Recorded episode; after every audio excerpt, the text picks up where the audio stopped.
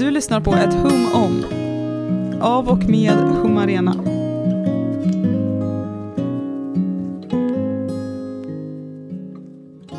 Hej och välkomna till podcasten Ett hum om. Med mig Elsa och Hjalmar. Ja, med Hjalmar.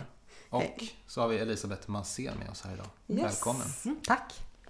Yes. Du, du ska vara med oss idag och prata om sinnenas idéhistoria. Ja, Yes, det ska bli väldigt spännande. Men jag tänkte innan vi kör igång med det så kanske du kan berätta lite om dig själv. ja, jag heter Elisabeth Mansén. Jag är professor i idéhistoria och jag är en mycket nyfiken person. Så jag har läst en massa ämnen på universitetet och samlat på mig kanske tusen poäng eller så. I allt från medicin och astronomi och psykologi till filosofi och teologi och konst och litteratur och ja. Ja och slutligen idéhistoria då. Och jag läste mest i Lund men sen kom jag till Stockholm år 2005 som professor. Mhm. Hur, hur kom det sig, om du nu har läst alla de här olika ämnena, vilket är otroligt spännande, hur kom det sig att du landade i just idéhistoria? Därför att det kan, man kan ha nytta av allting där. Allting hänger samman. Vi gör ingen skillnad till exempel mellan humaniora och naturvetenskap eller teknik eller så. Utan om man ska försöka förstå en människas eh, livsuppfattning och världsuppfattning så hänger det ofta samman. Så att eh, det är ett av de få ämnena som kan ja, ta vara på alla de här konstiga kunskaperna jag har samlat på mig. Okej, så för du, att förstå en människas livsuppfattning, så är det liksom vad en idéhistoriker gör? Ja, till stor del är det det. Vi intresserar oss eh, för människors tankar, drömmar, idéer. Eh, både sådana här stora teoribyggen och vanliga människors föreställningar. Om livet och döden, och om Gud och världen, och om kärlek och politik och samhälle och historia och framtid och sådär. Så vi, ja, vi, eh, vi bryr oss kanske inte så mycket om vad som verkligen har hänt om du förstår, utan mer om hur folk uppfattade det i sin tid. Mm. Dels deras världsuppfattning och, och eh, ja, människosyn och så och sen hur det här förändras över tid. Just det, så eftersom det handlar om hur vi uppfattar det, det är därför det är så då viktigt att också titta på våra sinnen och hur de används Du när vi uppfattar det.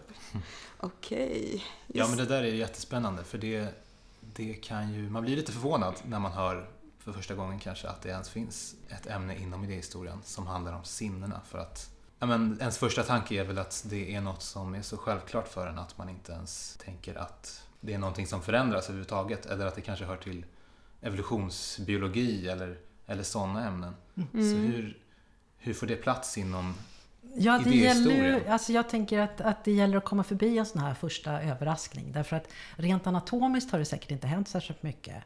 Eh, men däremot i vårt sätt att uppfatta då sinnena och värdera dem och ordna dem och sätta in dem i något sammanhang och i hierarkier och knyta dem till andra föreställningar och så. Där kan man ju se att synen på sinnena har varierat kraftigt mellan olika kulturer, olika epoker. Och det är en kunskap som man kan ha nytta av, tänker jag. Liksom att inse hur beroende den här uppfattningen om sinnena är av olika historiska och kulturella och filosofiska och sociala och politiska och estetiska ja, eh, olika typer av faktorer. Okej, men om vi tar det från, från början då och tänker idag i, i vårt samhälle. Mm. Ehm, vad, vad skulle du säga, vad, vad, vad är sinnen idag? För någon som studerar sinnen. Står de högt i kurs, lågt i kurs?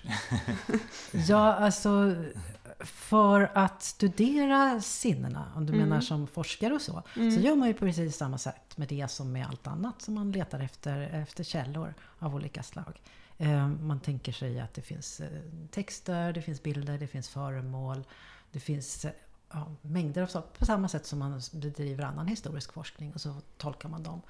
Det är klart att för att komma åt själva upplevelsen måste man ganska ofta, i alla fall har jag gjort det, gå ner i, i personliga dokument, brev och dagböcker och sånt där. För där, där uttrycker folk de här sakerna. Eftersom man inte har problematiserat det så mycket tidigare så är det inte så mycket... Ja, det finns en gott om forskning också som ägnar sig åt det. Särskilt tror jag under upplysningstiden. Mm. Just det, just det, för våra sinnen är ju hörsel och syn och Smak. lukt och smak Ja. och känsel. Så då tittar man, då, när man studerar dem, då tittar man på något sätt hur, hur man på något, har beskrivit de här olika eh, sinnesintrycken och hur man på olika sätt har värderat och konstruerat dem eller Mm. är det korrekt uppfattat? Absolut, du får en femma på det eller vad man nu får. VG eller något. Ja, trevligt. Det är ju alltså så vi brukar förklara sinnena idag. Det är väl den, den vanliga synen att vi har fem sinnen. Mm. Men eh, som jag har förstått det, ibland talar man just om ett sjätte sinne som något lite mystiskt, så här, okult nästan. Men visst har det ibland sett som att man har, eller det argumenteras för både att vi har fler sinnen än fem och att vi har färre. Eh, skulle du kunna berätta lite mer, Ja visst, mer om det? För det absolut. tycker jag är väldigt spännande. Finns Ja. det ett sjätte sinne eller kanske ett tionde sinne? eller, Det är fullt Eh, möjligt. ja, Alltså. Det finns ja. verkligen väldigt många, när man letar då så hittar man väldigt många olika varianter. Men man hittar också att det finns en väldigt stark tradition med just de här fem sinnena. Eh, som vi vanligen räknar med. Och att de oftast räknas upp i precis samma ordning och att det följer hur sinnesorganen sitter i kroppen uppifrån och ner. Mm. Hörsel, lukt, smak och känsel. Fast det är lite osäkert var känseln sitter. Om den sitter i fingertopparna eller i hela huden eller någonting sånt där. Och det kan man hitta ner i den grekiska antiken. På 400-talet före Kristus levde en filosof som heter Demokritos. Och han räknar de här fem sinnena eh, just i den här ordningen. Och det verkar ha dominerat den västerländska traditionen väldigt mycket. En som, som hade en sån indelning eh, var till exempel Aristoteles som är en mer känd filosof. Så han, det, han står ofta då i, säg, ja, i artiklar om den här ordningen. Eh, det är väl i och för sig rätt. Han levde 100 år senare eller sådär. Han levde på 300-talet före Kristus. Men han är lite intressant också för att han, han gör en annan indelning som också finns med. Inte bara den här hierarkin då, uppifrån och ner och bäst, synen är bäst och känslan hamnar längst ner. Utan han tar också och sätter främst de sinnen som är nödvändiga för vår överlevnad. Och då tänker han att det är sådana här saker som lukt, smak och känsel snarare. Just det. Medan eh, det onekligen är så att man kan leva utan, även i antiken, utan att höra eller se. Men däremot så är det de ändå i någon mening finare för att de ger vårt liv, säger han då, glädje och mening och så. Jaha, men... Så det finns olika sätt att dela in dem på. Och han motiverar, jag tänker hur, hur motiverar han att man inte kan leva utan smak? Ja, Man äter väl antagligen något nedrigt eh, giftigt. Mm, Ja. Okej, Just det. så han från livet att... lite kortare än Ja. man tänkt sig. Okej, men vad, vad intressant ändå att då hörsel och syn blir på något sätt ehm, det, det blir liksom nästa steg i, jag tänker på den här, ni vet den här pyramiden med mänskliga behov. Mm. I botten så Mm. finns det att man måste äta och sova och så, ja, men, det. och då Precis. tänker jag att de liksom är någonstans högre upp i pyramiden. Han vänder det. på den så att säga. Ja. Det är det han gör. Liksom. Mhm. Alltså, Just det, om ja. du så vill. Alltså, det är det här som inte anses så fint som är å andra sidan väldigt basalt. Då. Mm. Mm. Och så är det ju lite med sinnena i största allmänhet också. Att de ofta i vår tradition nedvärderas då. Ja, inte lika fint som, som förnuftet och så. Och kanske inte heller så fint som känslor och så. Utan det är knutet i kroppen och ja, ibland till och med ont. Just Okej. det. Ja, det där är ju väldigt intressant. Bå- Både hierarkin mellan sinnena, så dels kan man undra om det är någonting som har förändrats eller alltså Mm. då Aristoteles var ju då kanske, hade en, möjligtvis då en liknande syn som vi kanske har idag. Men även då liksom jämfört med förnuftet och intellektet. Mm. För vi behöver ju ändå, alltså vårt förnuft är ju ingenting utan våra sinnesintryck, tänker jag. Ja, vi måste ju ha något att bygga på. Vi Ja. är ju väldigt beroende av våra sinnesintryck, även om vi vet att de bedrar oss. Alltså vardagsmänniskan, men också forskaren, är helt beroende av det här eh, sinnesintrycken för att orientera sig i världen. Mm. Och få någon kunskap om den. Ja. För att kunna få en tidsuppfattning, för att kunna kommunicera med människor antingen med ord eller utan.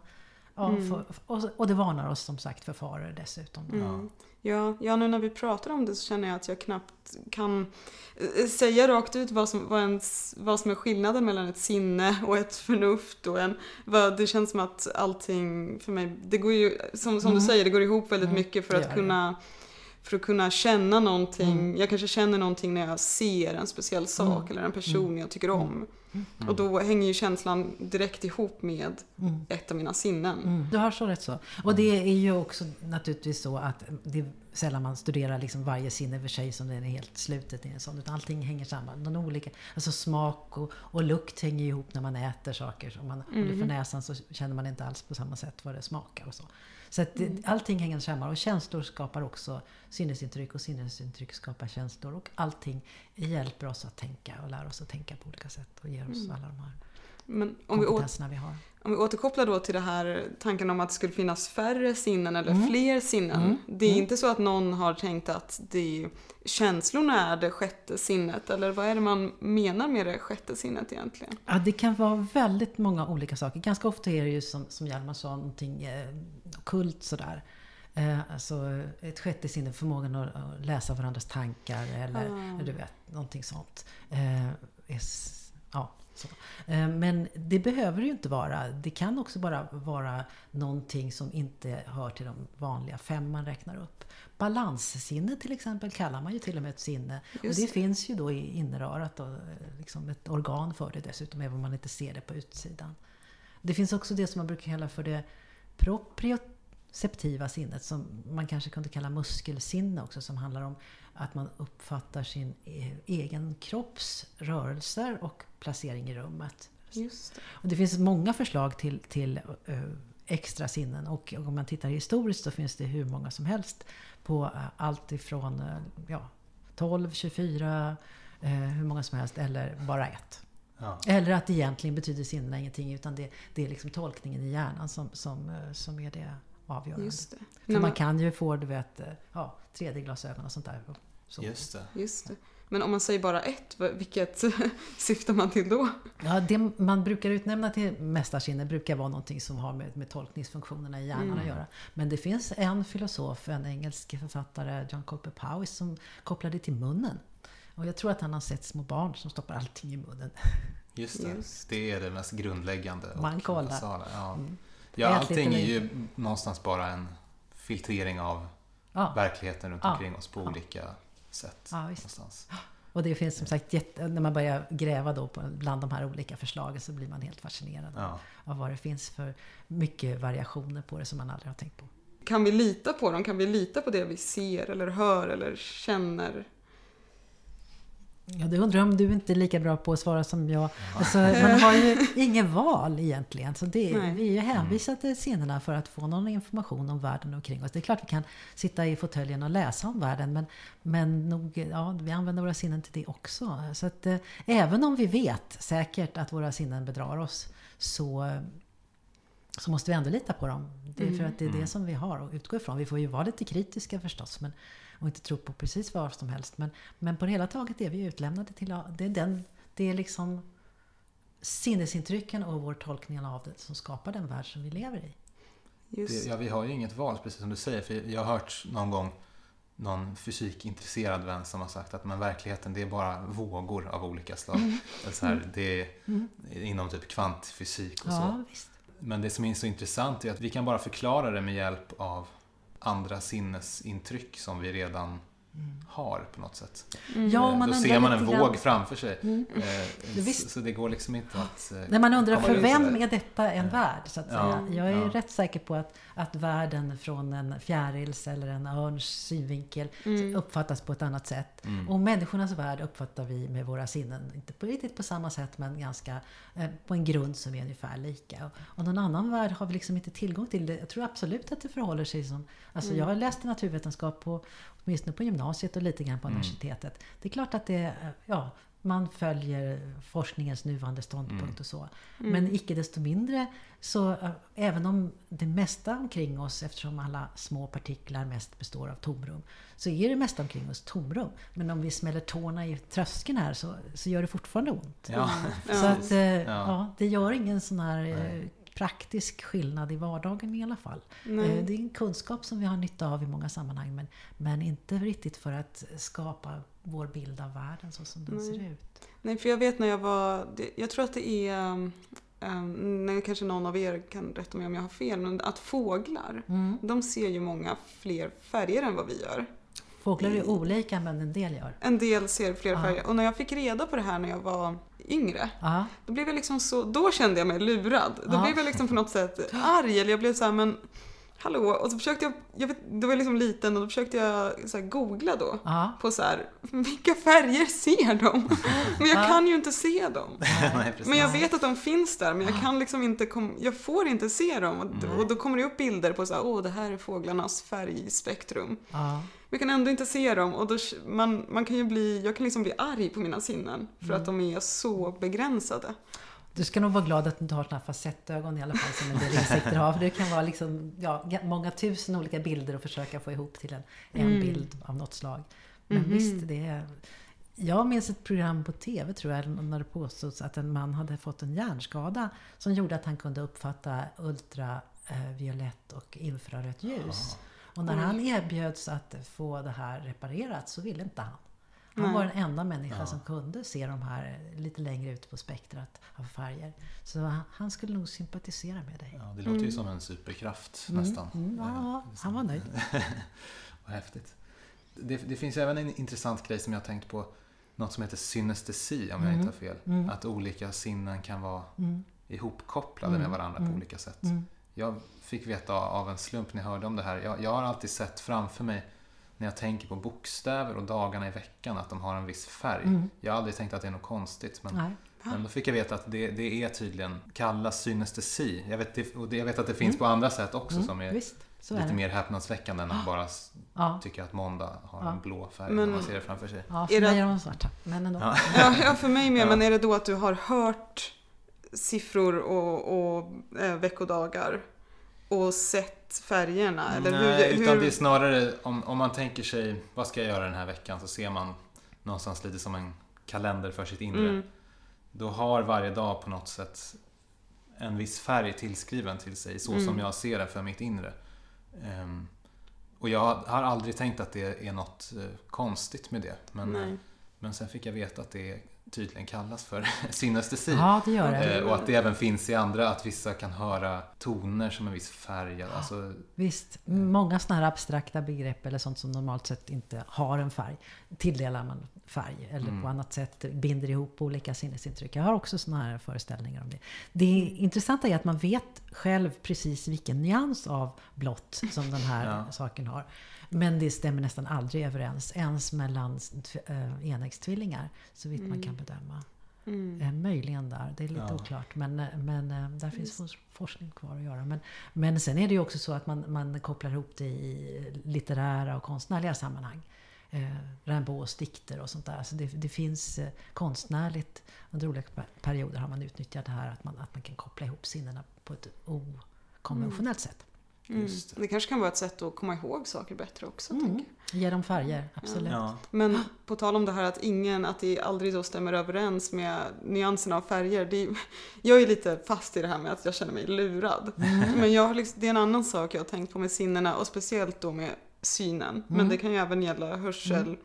Att så här, om vi ser färgen röd. Jag kan se färgen röd och du kan se färgen röd och du kan se färgen röd. Men det betyder ju inte att vi kan vara säkra på att vi ser samma sak. Nej, absolut inte. Och särskilt som rödgrön färgblindhet är inte ovanligt, särskilt hos män. Men kan du inte känna dig unik snarare än lurad? Du har din värld med din uppfattning och så får du försöka kommunicera efter bästa förmåga. Ja, jo, och det går ju för att vi har ju alla, vi, vi har ju samma idé om vad röd är. Men sen så i, åh, det, jag tycker det är det. jätteläskigt att du ser tänka röd på. kanske jag ser Du det kanske som du tycker är grönt. Exakt, Det, exakt. det kan vi aldrig veta. Ja, jag tror att det Mm, mm. liksom blir lite mer grått. eh, eh, så att man byter en stark kulör mot en annan stark kulör. Mm. Men hur kan, hur, kan, hur kan man veta det? Man kan göra tester på, på färgblindhet. Det behövs för folk som ska bli Mhm. piloter och sådär till exempel. Inte så bra. Eller yrkeschaufförer. Okej, okej, så det finns en viss, och det är lite lugnande Man kan ändå. mäta det. Mm. Mm. Mm. Skönt att höra att det i alla Mm. fall finns någon slags objektivt sätt att eh, Ja, det vågar jag inte yttra mig Man kan kommunicera i alla fall och komma överens Ja. om någon tolkning. Mm. Ja, vad spännande. Nu ska vi gå till ett ämne som, som vissa historiker inte alltid är så stora fan av. Men om man pratar lite om framtiden. Mm. Ehm, vi har ju snackat Jag tycker om nu framtiden. Vi Ja, har en kurs om framtiden också. Framtidens bra. idéhistoria. Vad kul. Visst. För vissa Ja. har jag fått en känsla av är väldigt skeptiska så fort man frågar "Ja, hur tror du det kommer bli sen? Så säger de stopp, jag vet bara, jag vet bara vad som har hänt. Och Eh, knappt det. Ja, alltså som historiker kan man ju inte uttala sig med någon sakkunskap om framtiden. nej. Det antar jag att du inte heller förväntar nej, dig. nej, nej. Nej, Det, är, nej. det är det nog ingen som kan tror jag. Nej, det tror inte jag heller. Det skulle väl också vara en superkraft, precis som han som kunde se ultraviolett Ja. ljus kanske. Mm. Mm. Ett Eh, sjätte sinne. Eh, precis, Mm. ja. Ja, men faktiskt. Men ett sånt har jag inte. Ja. Nej, men jag tänker lite på att det är så många som lever idag eh, väldigt stor del av sina liv i en digital värld Och eh, vi får väldigt mycket sinnesintryck på olika sätt. Man kan nästan säga att vi kanske överbelastar våra sinnen. Vad- Har du några tankar om vad, vad det här Ja. gör med oss? Eh, Ja, alltså, å ena sidan verkar det ju då som intresset för sinnena eh, ökar och växer i vår tid. Eh, I samhället, i reklamen, i vardagliga samtal här, precis, eller inom forskningen och så. Eh, och det är ju, tycker jag är väldigt trevligt. Och de här digitala erfarenheterna som 3D-glasögon och så, det kanske bidrar till att man börjar fundera mera över hur våra sinnen egentligen fungerar. Och känseln då som nästan alltid var längst ner i våra hierarkier, de använder vi jättemycket i våra touchscreens och sådär. just det. Så att kanske kan det också betyda att vi finkalibrerar våra sinnesintryck och blir mer uppmärksamma, mer intresserade av dem. Men sen tror jag att det som du antydde också att man kan bli lite trött, lite övermätt och så. Alltså att det växer ett behov av, av lugn och stillhet och ett mer begränsat flöde av, av sinnesintryck. Ja. Och jag tror att kanske det här intresset för naturen och promenader och den relativa tystnad som finns där med grönska och fågelkvitter och så. Det kan ju sänka en människas blodtryck efter vad det visar sig på bara några minuter.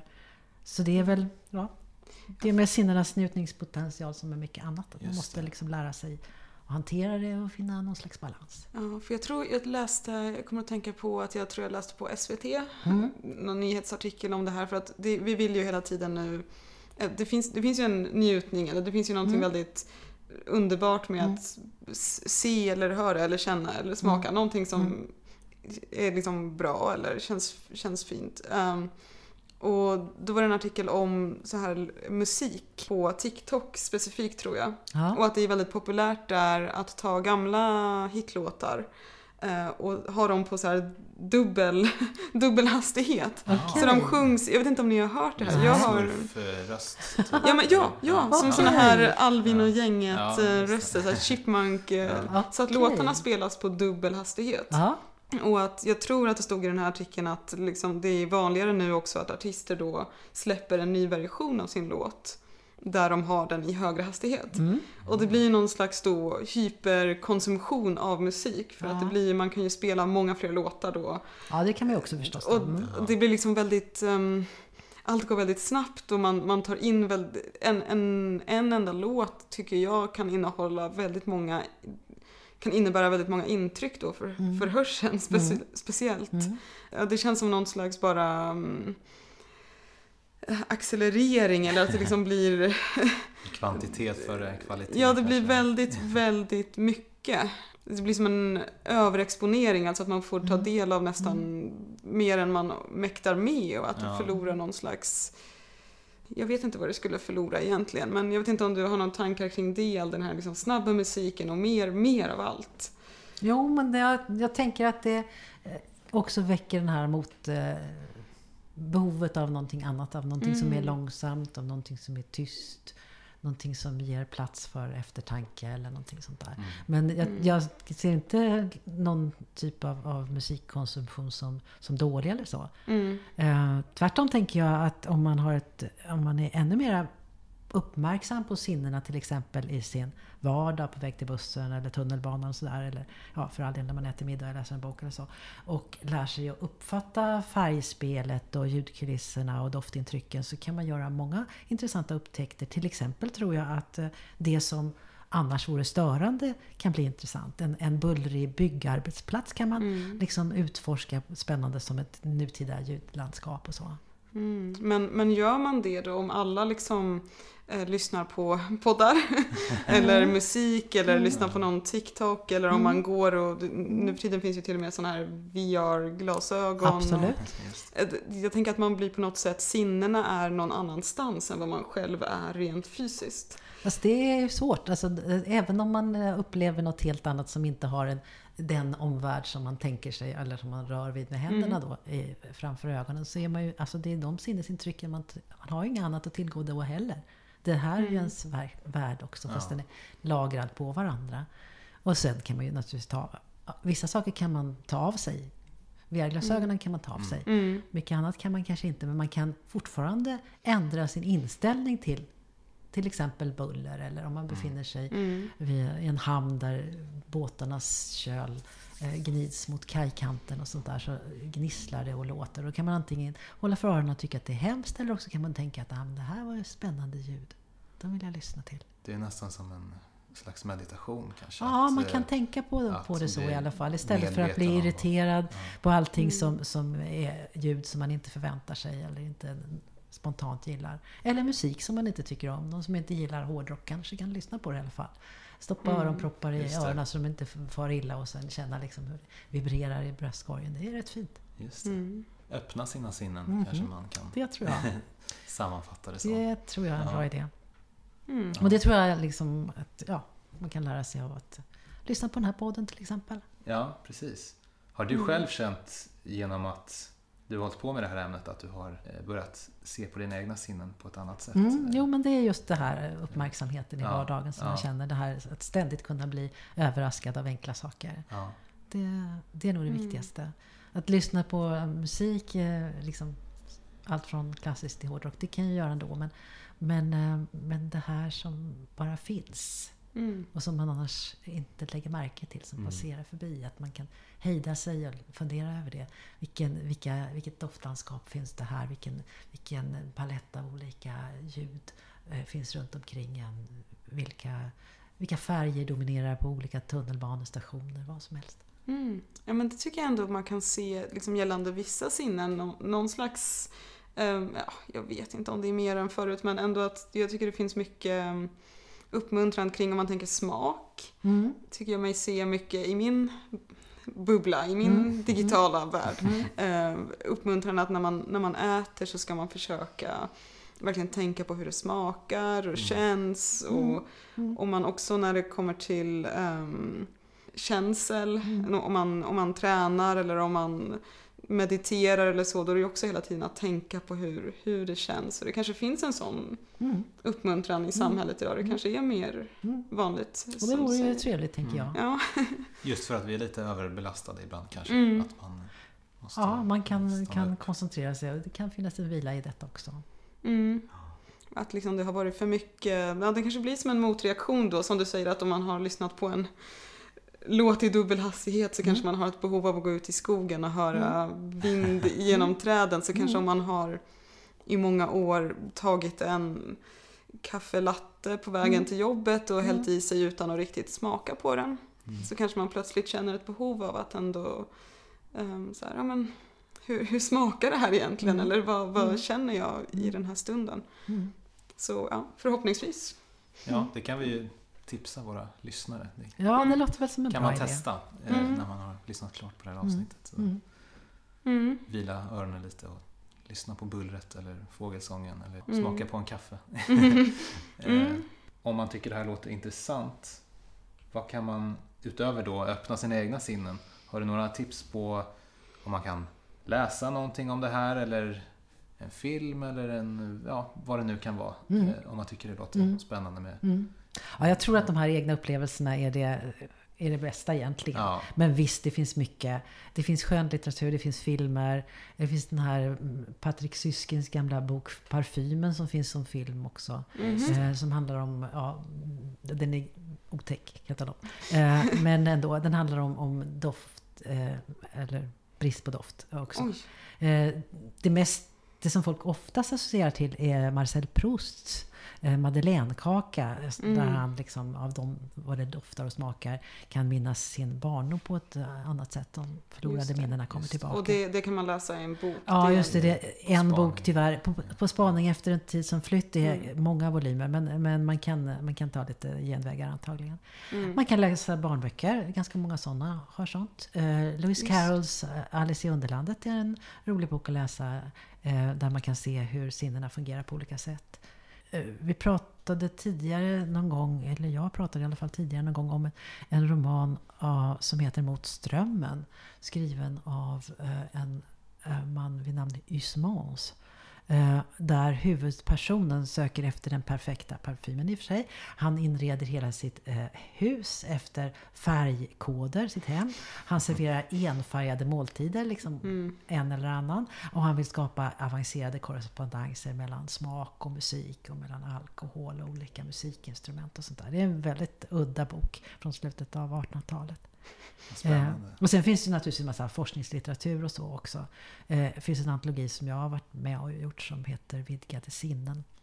Om man vill leta efter äldre liksom, eh, texter, ett svenskt 1700-tal till exempel, så finns det en man som var medlem av Vetenskapsakademin som våren 1780 höll ett tal. Han hette Bengt Bergius och talet hette Tal om läckerheter, både i sig själva sådana och för sådana ansedda genom folkslagsbruk och inbildning. Läste jag innantill för säkerhets skull så det inte skulle bli fel. Han, ja, det är fantastiskt. Han, sitter, eh, han, han bodde här vid eh, Vasaparken ungefär eh, och satt i fåtöljen och läste reseberättelser. Han hade aldrig besökt några andra folkslag. Så. Men han hade massa idéer om vad folk eh, tyckte var, smakade gott. Vanilj tror jag han bestämde sig för att nästan alla tyckte om. Och, och sen hade han också såna här idéer om att man måste vara lite källkritisk som historiker säger. Att om en sjöman har varit på sjön länge och ätit eh, torra skorpor och mögligt bröd så, och kommer i land och säger att någonting smakar gott så nej, det kan man inte riktigt lita på. Man får det. vänta till han har liksom sansat sig lite. Ja.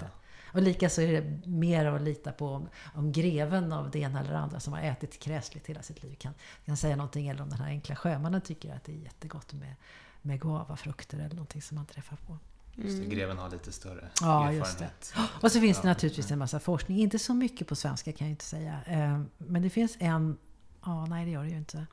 Eh, Det finns en gammal bok. eh, Diane Ackermans Sinnenas naturlära. Den är från 90-talet någon gång. Den kan man läsa om man bläddrar i någonting. Den finns på bibliotek och så. Det är jag ganska säker på. Och så finns det en tysk professor förstås. Eh, som har skrivit en sån här jättevolym som man kan ha som, som uppslagsbok. Väldigt trevlig man. Han har varit och hälsat på.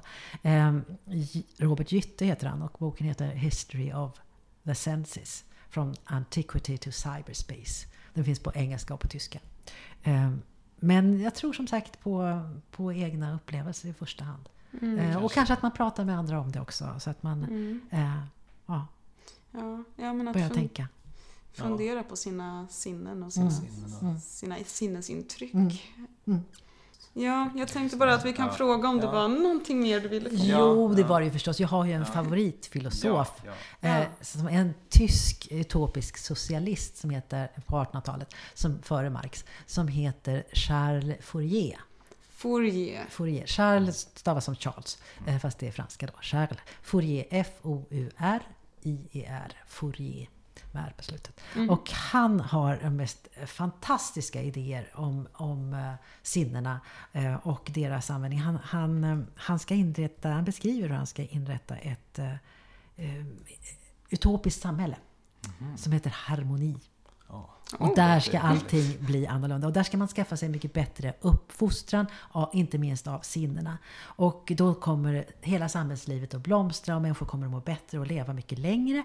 Och sinnena kommer att utvecklas. Och han tänker sig att vi kommer att kunna röra våra ögon oberoende av varandra, som en del djur kan, men inte vi. Eh, och att vi kommer att se mycket längre än vi gör nu. Att vi kanske kan få en doftsinne som är lika känsligt som en hundnos eller kanske ännu mer. Så att de som är mest begåvade kan lukta sig till var i berget det finns till exempel guld och silver som man kan bryta. Och han tänker sig också att vi skulle kunna få en svans. Vi har ju faktiskt en liten svanskota. När vi embryo så har vi en liten, liten svans som sen tillbakabildas. Han tänker sig att vi skulle kunna ha, få en svans så att man kan vifta med den, ni förstår. Jag har alltid velat ha en svans. Bra för Eh, balansen kanske. det kanske det också är ja. Och han tänker sig dessutom att i bästa fall kunde man få ett öga längst ut på svansen så man kunde liksom titta runt hörnen. Men hur, hur tänker han att man ska uppnå alla de här sakerna? Ja, man får starta det här eh, fantastiska utopiska samhället, harmoni, och så får det här utvecklas. Det går inte riktigt på Okej. samma ögonblick. Men han, han är liksom liksom, eh, han tycker att sinnena är det bästa som finns. Man ska inrätta allting efter, sina, efter lusten och sinnena. Och, sånt där. och han tänker sig att den här eh, utvecklade smaken också ska ge upphov till en, en vetenskap, gastrosofi. Där man liksom, eh, då istället för att ha såna här blodiga krig ska man ha gastronomiska tävlingar. Ja, det låter ju som en bra Mycket frisammare. roligare. Ja, och istället för såna här tråkiga pengar, sedlar som man inte kan äta, så kan man eh, mäta sin rikedom i recept. Det väl, låter väl nutid. Det är helt fantastiskt. Ja, det finns mycket kul och Ja. så. Eh, verkligen. Han, han, är, han är min favorit. Det kan jag förstå. Så jag vill nämna honom. Kanske modern genforskning och så kan vara till hjälp för att Ja, mm. börja jobba mot det här utopin. Mm. Ja, men ändå, det är kul att höra en... eh, Jag kände när du sa när du berättade nu att jag har ändå känt någon slags brist på verkliga uttalade utopier. För Mm, man kan ju skratta åt det för att det Mm. liksom är så många, ja men det där är omöjligt och det där är omöjligt. Men ändå, Mm. han hade en dröm. han hade en dröm. Och han finns översatt till svenska. Så att eh, man kan läsa Fouriers tankar. Mm. Apropå din frustration över fåglarnas färgspektrum också. Ja. Det kanske är lite hoppfullt Ja. för Ja. dig. Alltså, Ja. att, eh, Jag kan tala om att jag är fågelskådare på fritiden när jag kommer åt. ja, Jag tycker Ja. det är väldigt kul.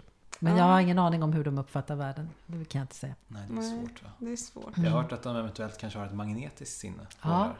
Det att verkar de kan ju hitta så. från Afrika Ja. hit och så. Ja. Det är ju spännande. Silvertärnorna flyttar ju från pol till pol Ja, till exempel. Ja. Det är ju väldigt långt. Och någonstans kan känna jordens magnetism. Ja, det är ett försök. För att man är inte riktigt säker på hur de lyckas att flytta så bra som de gör. Första gången i alla fall. Nej, just det. Väldigt spännande. Ja, vi får ha ett, ett poddavsnitt om fåglar. De är ju det är otroliga. ett- Oh ja, Ja. verkligen. Ja, nej men ehm, om det inte finns något mer som du Det känner finns att... hur mycket som helst. Men eh, vi kan inte ta allt på en gång. Nej, Jag men om det är något, något om sinnen som, som våra lyssnare måste ta med sig. Annars Att så... öppna sina sinnen kanske var... Ja, jag tror att det är det som jag eh, tror mest på. Jag var med på en konst, jag var en del av ett konstverk när den här Accelerator startade sin verksamhet ute på Frescati där universitetet ligger. Eh, så var vi några stycken som var en del av ett konstverk. Eh, innan det fanns några fysiska objekt i de här lokalerna. Det var alldeles nyombyggt. Mhm. Och eh, då inbjöds personer att komma och vandra med oss som fanns där. Och då fanns det fyra olika grupper. Det fanns barn, ganska små barn, som tog de här människorna vid handen och förde dem genom, genom eh, några rum och konverserade dem. Och så fanns det medelålders, eh, eller ganska unga personer, 20-30 år. Och så fanns det de som var lite äldre som kallades wizards. Det var ju väldigt sött. Dit hörde jag. Och då skulle man eh, hälsa dem välkomna och så skulle man konversera dem, inte genom att ställa någon fråga, vilket jag inser att jag ofta gör när jag ska inleda ett samtal. Utan istället skulle man erbjuda dem en berättelse. Mm. Det var ju många gånger, det var- varade ju fyra veckor den här utställningen minst. Och man hade olika pass där, så man fick ju försöka att variera sig lite grann och så. Men då berättade jag ofta om något sinnesintryck jag hade fått på vägen till den här eh, utställningslokalen ute på Frescati. Och det, det väckte folks eh, gensvar på ett väldigt bra sätt. Då berättade de också om vad de hade upplevt och så. Så att, ja, Mm, ett litet tips. just det, då fick de en chans. Erbjuder folk lite en berättelse om sinnesintryck. Just det, så man kan ta del av Ja. varandras sinnets Ja. Det, det är väl lite s- som konst i allmänhet Ja. kan man väl säga. Ja, att visst. det, att det Jo, är en det del, blev ju, lite en del så. blev ju arga för att det inte ja. fanns några föremål då som man kunde peta på eller, eller Mm. titta på eller fotografera. Men en del tyckte det var så oerhört fascinerande så de gick bara och ställde sig i kön, för det var en ganska lång kö, eh, till att eh, följa med en sväng till. Ja, Oj. spännande. Ja, Det kan jag förstå att det är ja. populärt. Ja, Ja. jo, men det kan man ju återskapa genom att ta en liten promenad med varandra och konversera. Precis, det går att göra på egen hand. Conversation Ja. starter. Ja. Ja, det ska jag ta med mig till nästa Mm. fest jag är på. Ja, om man inte vill fråga vad folk jobbar med. Eller Ja, ja. så. Det är ganska Många barn bra de har eller Ja, något annat sånt. Ja. Ja, ja, det känns som att vi har, jag har lärt mig mycket om sinnen. Ja, jag. Jag ska sätta mig på tåget till Uppsala och så ska jag inte störa mig på några ljud.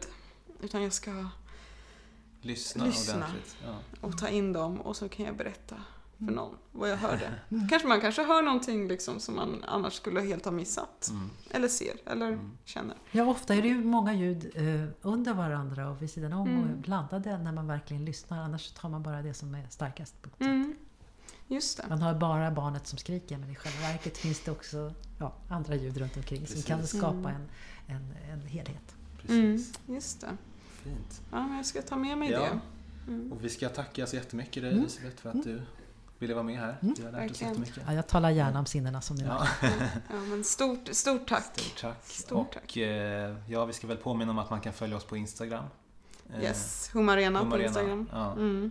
Eh, och håll utkik efter nästa avsnitt. Ja, och öppna era sinnen. Ja, Det Tack så mycket. bra. Det låter bra. Tack!